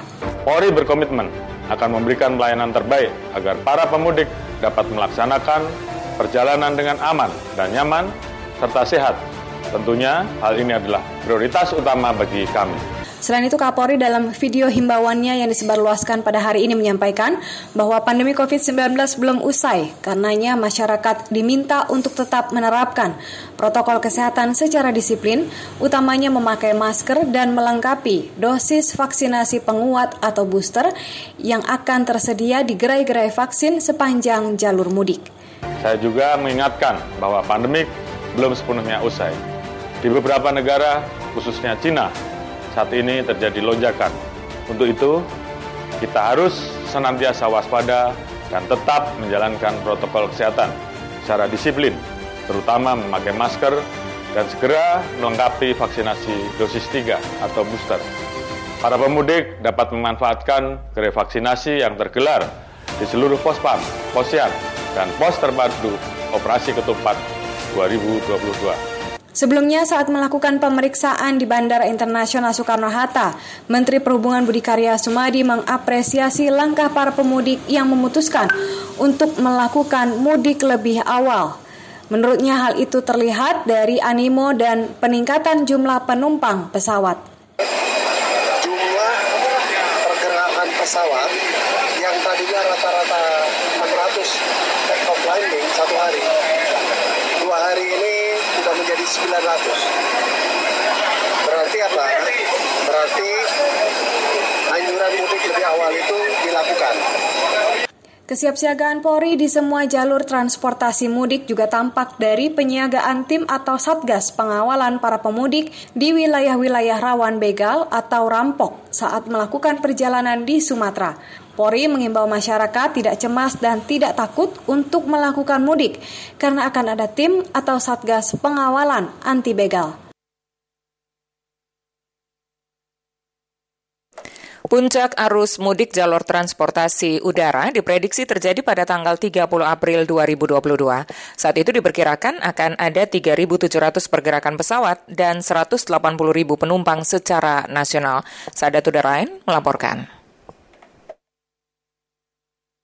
Lebih apa, bertugas menyelenggarakan pelayanan navigasi penerbangan di mana seperti disampaikan bahwa memang uh, sudah akhir-akhir ini sudah mulai meningkat pergerakannya. Puncak arus mudik angkutan lebaran diprediksi terjadi pada tanggal 30 April 2022 untuk jalur transportasi udara. Saat itu diprediksi jalur penerbangan akan meningkat signifikan yang tercatat secara nasional mencapai hingga 3.600 sampai 3.700 pergerakan pergerakan pesawat. Sementara pergerakan penumpangnya bisa tembus hingga 180 ribu orang yang hampir mendekati keadaan normal sebelum terjadi pandemi COVID-19 melanda. Untuk mengantisipasi lonjakan tersebut, Airnav sudah menyiapkan posko yang tersebar di 51 bandara. Tidak hanya itu, disiapkan pula titik monitor yang tersebar di 291 bandara di Indonesia hingga menyiapkan 4.900 personel diperuntukkan di posko lebaran tahun ini. Direktur Utama Airnav Indonesia Polana Banguningsih Pramesti menuturkan pergerakan pesawat di Bandara Soekarno-Hatta sudah mendekati normal di mana pada periode angkutan lebaran 2022 telah mencapai sekitar 900 per hari. Sementara kondisi normal sebelum pandemi berkisar 1.100 sampai 1.200 per hari. Sekitar 3.600 sampai 1.000 eh, 3.700 di mana 70 persennya eh, 70 persen domestik itu sudah eh, maksud saya domestiknya sudah 70 persen dari eh, kondisi normal. Sementara internasional masih 30 persen. Kemudian eh, per kemarin di Soekarno Hatta pergerakannya sekitar 900 lebih ya Pak ya. 900 900 909 ya 909 pergerakan. Sudah hampir mendekati normal ya Pak Awal ya. Normalnya 1100 1200 Presiden Direktur PT Angkasa Pura II Muhammad Awaludin juga memprediksi pada puncak arus mudik di tanggal 30 April 2022 nanti akan terjadi lonjakan penumpang hingga 180 ribu orang di 20 bandara yang dikelola oleh PT Angkasa Pura II. Tanggal 30 April nanti dari 20 bandara Angkasa Pura II tidak kurang mendekati angka sekitar 180 ribu pergerakan penumpang. Dan oleh karena itu eh, khusus juga untuk Bandara Soekarno-Hatta kami memperkirakan dari Bandara Soekarno-Hatta sendiri tidak kurang mendekati angka sekitar 120 ribu. Sejalan dengan peningkatan lalu lintas penerbangan, PT Angkasa Pura II dan stakeholder memastikan kesiapan seluruh sumber daya untuk menjaga standar tinggi dalam keamanan, keselamatan, dan pelayanan serta pemenuhan regulasi termasuk terkait protokol kesehatan. Bahkan maskapai dalam negeri telah mengajukan slot tambahan penerbangan untuk menampung tingginya minat pemesanan tiket dan Airnav juga mencatat jumlah traffic di 13 bandara selama periode angkutan lebaran menembus 928 penerbangan. Siaran arus mudik dan arus balik lebaran 2022.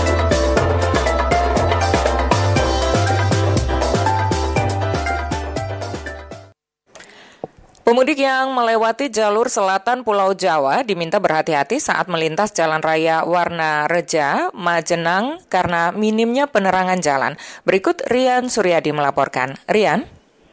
Iya, baik pendengar dari tim liputan ekspedisi mudik RRI lintas jalur selatan saat ini memang sedang berada di kawasan Jalan Raya Buntu Sampang ke Basem Kabupaten Banyumas Jateng dan memang di sini kami mengingatkan pendengar bagi pemudik yang ingin melakukan perjalanan mudiknya melalui jalur selatan saat melintasi kawasan Warna Reja, Majenang.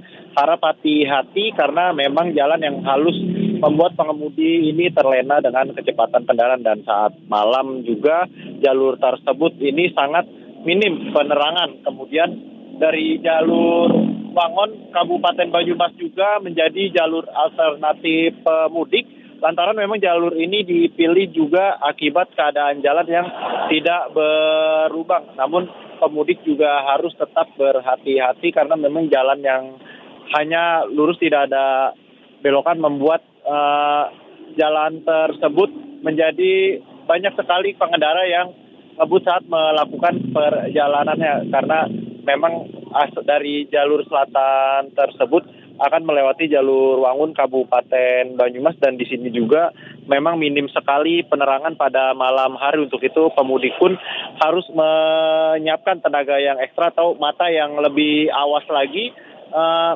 dari pengendara lawan arah. Karena memang lampu-lampu pengendara yang berlawanan arah ini menjadi uh, pemicu adanya sering kerap kali terjadi kecelakaan di kawasan jalur Wangon Kabupaten Banyumas ini dan uh, mundur ke belakang sedikit mendengar bahwa kepolisian dari pihak Jawa Barat pun telah menyiapkan memang sejumlah rekayasa lalu lintas untuk mengurai jalur mudik nasional 2022 yang melintasi jalur selatan mulai dari jalur Nagrek, Malangbong dan juga jalur lainnya di dalam uh, kota Garut atau masih dalam wilayah Jawa Barat. Dan untuk mengurai sejumlah kemacetan pun saat kondisi jalur utama mengalami kemacetan parah, petugas kepolisian dan juga dinas perhubungan telah menginstruksikan penggunaan sejumlah jalur alternatif yaitu baik arus balik ataupun arus mudik. Sementara untuk penanganan ancaman pasar tumpah yang berpotensi menghambat laju kendaraan pemudik, lembaganya ini bakal menerapkan satu jalur penyeberangan yang diperuntukkan bagi masyarakat. Demikian pendengar dari tim liputan ekspedisi mudik RRI lintas jalur selatan Rian Suryadi Pro 3 RRI. Sementara itu pendengar para pemudik dari Jakarta yang menggunakan sepeda motor petang ini terlihat mulai melintasi jalur perbatasan arteri Mantingan Ngawi yang merupakan jalur lintas Jawa Timur dan Jawa Tengah. Laporan disampaikan Aris Basuki. Aris? Baik, terima kasih Desi. Selamat malam pendengar. Kami tim liputan ekspedisi mudik Lebaran Idul Fitri 1443 Hijriah tahun 2022 pada malam ini telah berada di kota Madiun, Jawa Timur, di mana kami bersama tim baru saja melakukan kegiatan uh, takjil buka puasa di salah satu pusat kuliner yang ada di kota Madiun, tepatnya di Jalan Imam Bonjol, di mana di kawasan ini banyak sekali aneka kuliner khas dari kota Madiun ini dijajakan dengan harga yang cukup terjangkau, di mana seperti halnya di warung nasi pecel pincuk Yu Gembrot yang ada di Jalan Imam Bonjol sendiri satu porsinya hanya Rp22.000. Anda sudah bisa menikmati beraneka lauk pauk daging yang bisa dinikmati di tempat ini. Namun karena selain rasanya yang maknyos, uh, warung nasi pecel Yu Gembrot sendiri uh, ramai sekali seperti hanya saat ini. Dan ini tadi di Jalan Imam Bonjol maupun jalan protokol lainnya yang ada di kota Madiun seperti di Jalan Raya uh, Panjaitan, Jalan Yosudarso itu mengalami kemacetan yang cukup lumayan parah karena adanya aktivitas dari masyarakat yang ngabuburit ataupun yang berbukuru berbu, menu berbuka puasa. Sementara itu pendengar tadi kami juga memantau kondisi situasi arus mudik pada H-6 Lebaran Idul Fitri ini arus lalu lintas atau arus mudik dari kota Semarang yang mengarah ke arah Madiun lanjut ke Surabaya terpantau masih cukup lancar. di jalur arterinya sendiri dari kota Solo yang mengarah ke kota Madiun tampak di perbatasan lintas uh, Mantingan, tepatnya di perbatasan antara uh, Provinsi Jawa Timur dengan Provinsi Jawa Tengah atau di Kabupaten Ngawi, tampak beberapa pengemudi sepeda motor yang melakukan mudik menggunakan sepeda motor pada petang tadi juga sudah mulai berdatangan di kota Ngawi. Berikut salah satu pemudik pengguna sepeda motor yang mengaku mudik dari kawasan Ciledug yang akan menuju ke kawasan uh, Malang dengan Mas Tony. Dari dari Ciledug, dari Ciledug mau ke Malang. Malang. Naik motor. Ya, sendiri. Sendiri. Waduh, gak, gak apa gitu di jalan? Alhamdulillah. Lancar ya? Lancar, Pak. Oh. Yang penting kan kalau sebelum kita berangkat kan harus tahu kondisi motor. Nggak oh. boleh nekat. Sama badan juga ya? Ya iyalah. Istirahat berapa lama ini tadi? Istirahat. Itulah Tony salah satu pemudik pengguna sepeda motor yang mengaku mudik dari kawasan Ciledug, Jakarta menuju kota Malang, Jawa Timur yang menggunakan sepeda motor yang tadi uh, petang kami temui di jalur perbatasan antara Kabupaten Ngawi dengan Kabupaten Seragen tepatnya di kawasan Mantingan. Sementara pada malam ini sendiri di jalur utama, jalur arteri, uh, mudik yaitu di jalan uh, tepatnya dari Madiun yang mengarah ke arah Trenggalek maupun ke arah Ponorogo dan Pacitan malam ini situasinya juga cukup lancar di jalur arteri namun agar berhati-hati karena memang selain banyak kendaraan berat seperti truk juga minim sekali lampu penerangan jalan. Demikian juga arah sebaliknya yang dari arah Madiun yang mengarah ke arah Surabaya juga kondisinya malam ini masih cukup lancar. Demikian Aris Basuki bersama tim mudik jalur lintas utara dari Jakarta, Cirebon, Semarang, dan sekarang Madiun dan lanjut ke Surabaya melaporkan kita kembali ke studio. Saudara kita bergeser ke Lampung. Salah satu kerajinan dari Lampung yang terkenal adalah kain tapis. Kerajinan ini juga dapat menjadi alternatif buat tangan bagi pemudik yang melintas di jalur Trans Sumatera. Dendi Fahriansah berikut melaporkan. Dendi. Ya pendengar, saat ini tim ekspedisi arus mudik RRI Jalur Barat sedang berada di Kalianda, Lampung Selatan, Provinsi Banten. Dan bicara soal mudik pendengar, rasanya tak lengkap kalau tidak membawa oleh-oleh ke kampung halaman. Nah, Lampung, selain dikenal dengan Taman Nasional Wekambasnya, juga dikenal sebagai penghasil kerajinan kain tapis. Tapis Lampung mungkin sudah tidak asing lagi bagi para pecinta kain tapis.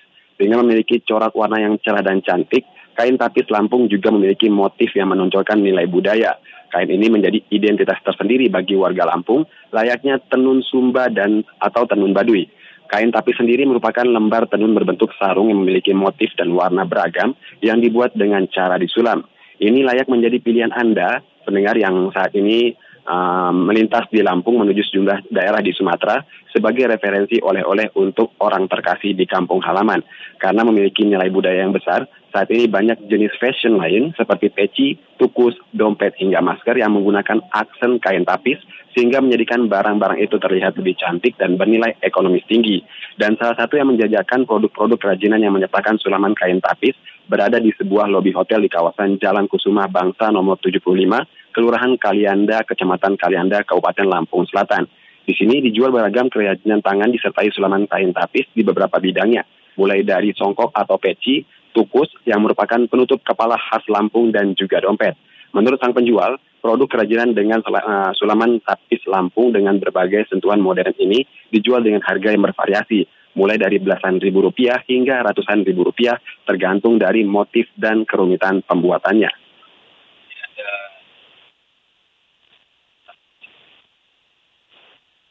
Ada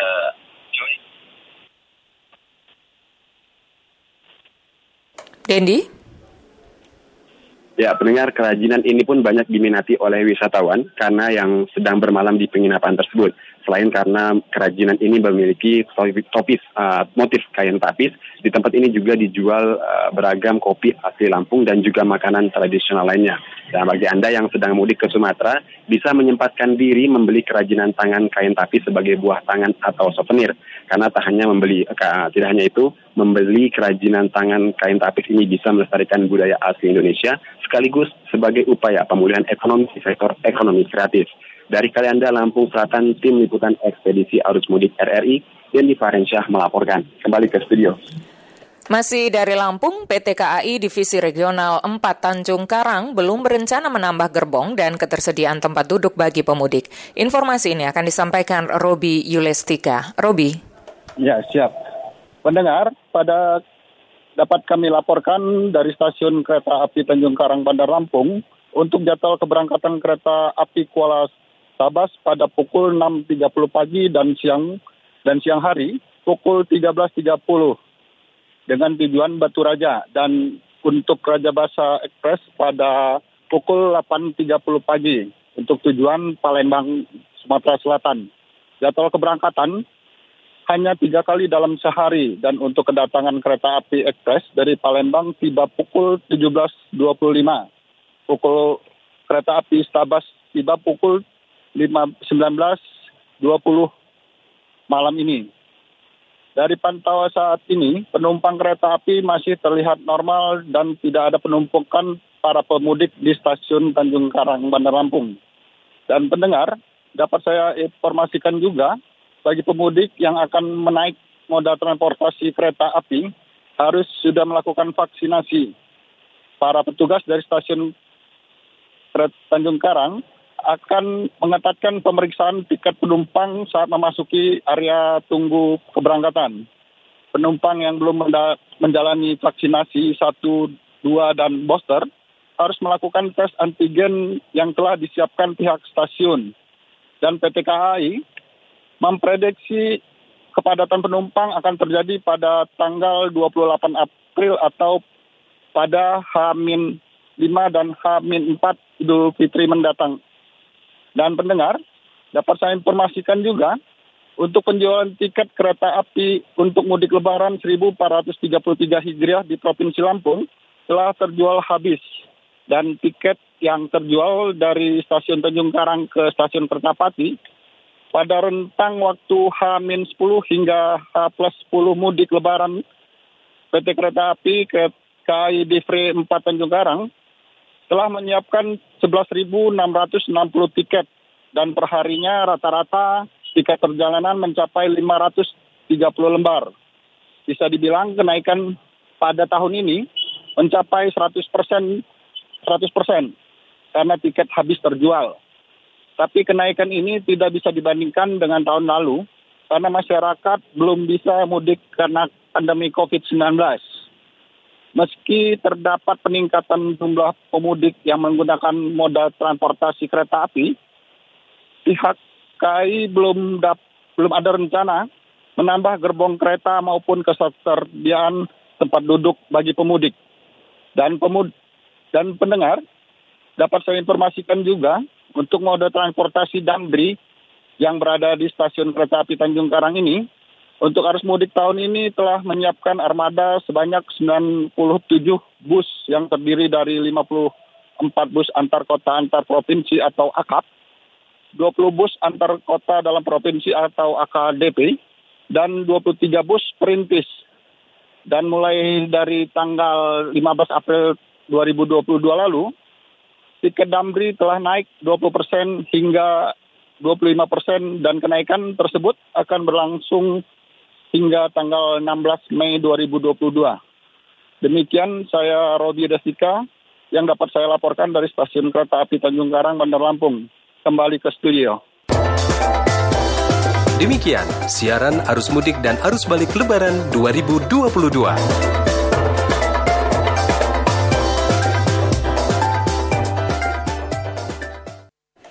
Terima kasih Anda masih mendengarkan Warta Berita Produksi Radio Republik Indonesia. Kepala Badan Nasional Penanggulangan Bencana BNPB Letnan Jenderal Surharyanto menekankan membangun ketangguhan bencana perlu kolaborasi berbagai lini. Hal ini disampaikan Kepala BNPB Surharyanto dalam peringatan Hari Kesiapsiagaan Bencana yang berlangsung di lereng Gunung Merapi, Balerante, Kemalang, Klaten hari ini. Berikut laporan disampaikan Adam Sutanto. Membangun bangsa yang tangguh adalah keniscayaan, bukan sesuatu yang mustahil apabila ada dukungan dan komitmen bersama yang kuat ada di semua semua diri kita, jiwa kita dan hati kita. Peringatan Hari Kesiapsiagaan Bencana HKB tingkat nasional dipusatkan di lereng Merapi, Desa Balirante, Kecamatan Kemalang, Kabupaten Klaten. Hadir dalam kesempatan itu Kepala BNPB Letjen Suharyanto, Ketua Komisi 8 DPR RI, Gubernur Jawa Tengah Ganjar Pranowo, para bupati di lingkar Merapi, dan para kepala BBBD. Kepala BNPB Letjen Suharyanto dalam kesempatan itu mengatakan membangun sadar bencana tidaklah mudah, maka perlu ditumbuhkan. Hari kesiapsiagaan bencana merupakan bagian usaha dalam membangun bangsa, membangun ketangguhan melalui kesiapsiagaan dan membangun budaya sadar bencana tidak hanya bisa dilakukan oleh pemerintah semata, akan tetapi diperlukan kolaborasi pentahelik dari berbagai lini, yakni pemerintah pusat, pemerintah daerah, lembaga usaha, akademisi, dan juga masyarakat. Dan pembangunan budaya sadar bencana tidak hanya bisa dilakukan oleh pemerintah saja, diperlukan kolaborasi pentahelik dari berbagai lini, yaitu pemerintah pusat, pemerintah daerah, lembaga usaha, akademisi, dan masyarakat atau komunitas banyak. Lejen Suharyanto mengatakan kekuatan lainnya adalah gerakan berbasis budaya lokal dan kekuatan persatuan masyarakat berupa kegotong royongan, kedermawanan, dan partisipasi semua pihak. Salah satu potensi yang dimiliki adalah kekuatan para relawan dalam penanggulangan bencana. Sementara Gubernur Jawa Tengah Ganjar Pranowo dalam kesempatan itu juga mengatakan pengurangan risiko bencana terus ditumbuhkan kepada masyarakat. Cara yang dapat dilakukan adalah dengan terus melakukan latihan atau simulasi penanganan bencana. Yang saya mintakan kepada mereka, Pak Kepala, mesti latihan sehebat-hebat kita kalau tidak pernah latihan refleksnya kurang. Nah latihan itu macam-macam ya mitigasinya tadi disampaikan alat tradisional lah kentongan itu digunakan lagi sehingga itu akan bisa membuat mereka semua akan siaga. Peringatan Hari Kesiapsiagaan Bencana yang berlangsung di Balai Rante Kemalang Klaten tersebut ditandai dengan kegiatan penghijauan, serasehan, dan simulasi evakuasi mandiri. Kita beralih ke informasi lainnya. Otoritas Jasa Keuangan berkomitmen mengembangkan memajukan ekonomi serta industri keuangan syariah untuk menjaga momentum pemulihan ekonomi nasional. Data Otoritas Jasa Keuangan menunjukkan aset industri keuangan syariah di Indonesia pada tahun 2021 tumbuh hampir 14 persen. Berikut Magdalena Krisnawati melaporkan. Ekonomi dan keuangan syariah menunjukkan kinerja yang semakin meningkat di tahun 2021, sehingga sejumlah lembaga internasional seperti Islamic Finance Development Indicators dan Global Islamic Economy Indicator mencatat Indonesia sebagai salah satu negara terbaik dalam pengelolaan ekonomi dan keuangan syariah. Ketua Dewan Komisioner Otoritas Jasa Keuangan OJK, Wimbo Santoso, menyampaikan hal tersebut saat peluncuran buku laporan Perkembangan Keuangan Syariah Indonesia atau LPKSI 2021 hari ini. Wimbo mengatakan perbankan syariah, pasar modal syariah, dan industri keuangan non-bank syariah sepanjang tahun 2021 telah menunjukkan daya tahannya yang menunjang momentum pemulihan ekonomi nasional. Aset industri keuangan syariah di tahun 2021 tumbuh sebesar 13,82 persen dengan nilai mencapai 2050,44 triliun rupiah. Sedangkan pasar modal syariah pada tahun 2021 membukukan nilai kapitalisasi sebesar 3.983,65 triliun, tumbuh 19,1 persen dibandingkan tahun sebelumnya industri pasar modal syariah menunjukkan perkembangan yang positif. Dilihat dari berbagai inovasi instrumen pasar modal syariah yang mendukung pemulihan kondisi keuangan syariah selama tahun 2021 lalu. Nilai kapitalisasi pasar indeks saham syariah Indonesia mencapai sebesar 3.983,65 triliun, meningkat sebesar 19,1 persen YoY di tahun 2021 lalu.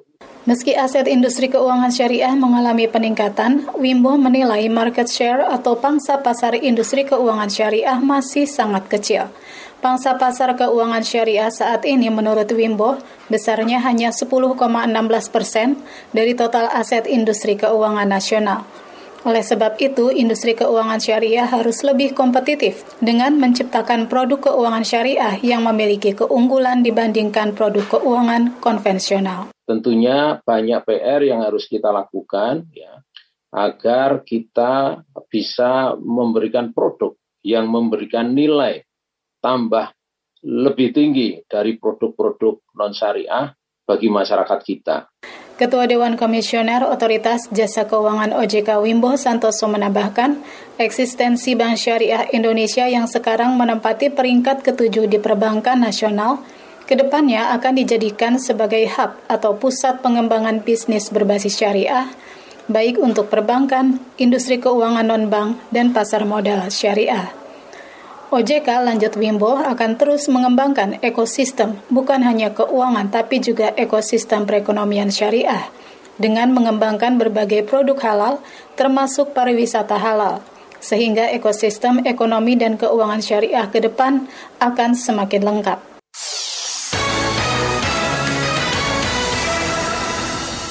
Kita beralih ke berita dari luar negeri. Warga Beijing melakukan aksi borong kebutuhan bahan pokok di pasar, toko swalayan maupun pusat perbelanjaan sebagai persiapan menghadapi situasi terburuk setelah ditemukan banyak kasus positif COVID-19 yang mengharuskan otoritas tempat membatasi pergerakan masyarakat. Selain itu, sebagian warga ada juga yang memanfaatkan jasa pesan antar makanan atau bahan kebutuhan pokok walaupun dengan harga yang agak mahal. Meskipun mulai langka, namun tidak ditemukan adanya kenaikan harga bahan kebutuhan pokok.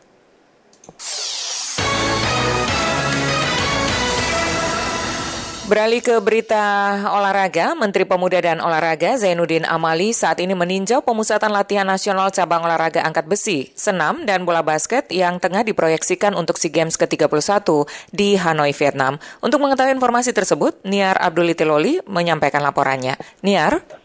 Baik, terima kasih Desi dan pendengar. Hari ini Menteri Pemuda dan Olahraga Zainuddin Amali menggelar kunjungan ke tiga cabang olahraga atau ketiga pelatnas atau pemusatan latihan nasional.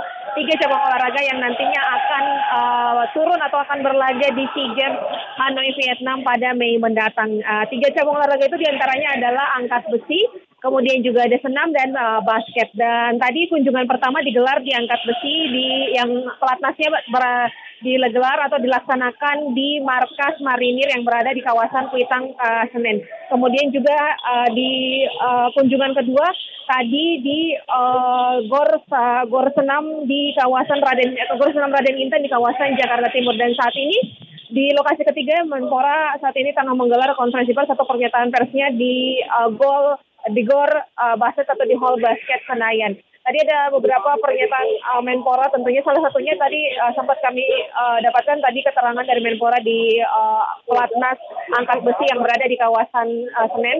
Beliau mengatakan bahwa angkat besi termasuk salah satu cabang olahraga yang masuk dalam daftar DBON atau uh, desain besar olahraga nasional tentunya cabang olahraga ini dituntut untuk terus tetap menjaga prestasinya karena memang merupakan salah satu yang berprestasi karena dari pernyataan uh, waketum atau wakil ketua umum uh, PB Papsi uh, Joko Pramono menyatakan bahwa 10 orang atlet yang dikirim pada gelaran SEA Games terakhir 2019 di Manila, Filipina sepuluhnya mampu mempersembahkan medali. Joko Pramono menyebut bahwa Papsi pada kali ini tidak mau membebankan begitu banyak kepada atletnya berapa target yang harus dibawa atau berapa target medali yang harus diambil. Namun mereka memastikan mereka akan memberikan penampilan terbaiknya dan direncanakan besok uh, empat atlet junior uh, angkat besi ini akan bertolak menuju Yunani untuk mengikuti kejuaraan dunia uh, bagi tingkat junior dan saat ini masih tengah berlangsung atau masih berlangsung uh, uji coba atau latihan yang digelar oleh para atlet di pelatnas basket yang berlangsung di Hall Basket Senayan. Demikian untuk sementara Desi dan pendengar yang dapat kami sampaikan dari Senayan Merah Putih Loli Pro 3 RRI.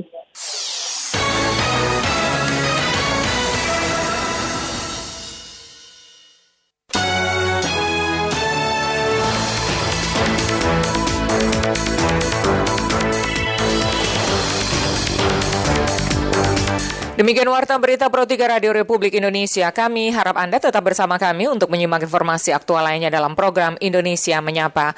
Dapatkan juga informasi aktual dalam portal resmi kami di rri.co.id, serta ikuti juga media sosial terverifikasi kami di Instagram dan juga Twitter at RRI Programa 3. Mewakili kerabat kerja yang bertugas, saya Desi Natalia, selamat malam.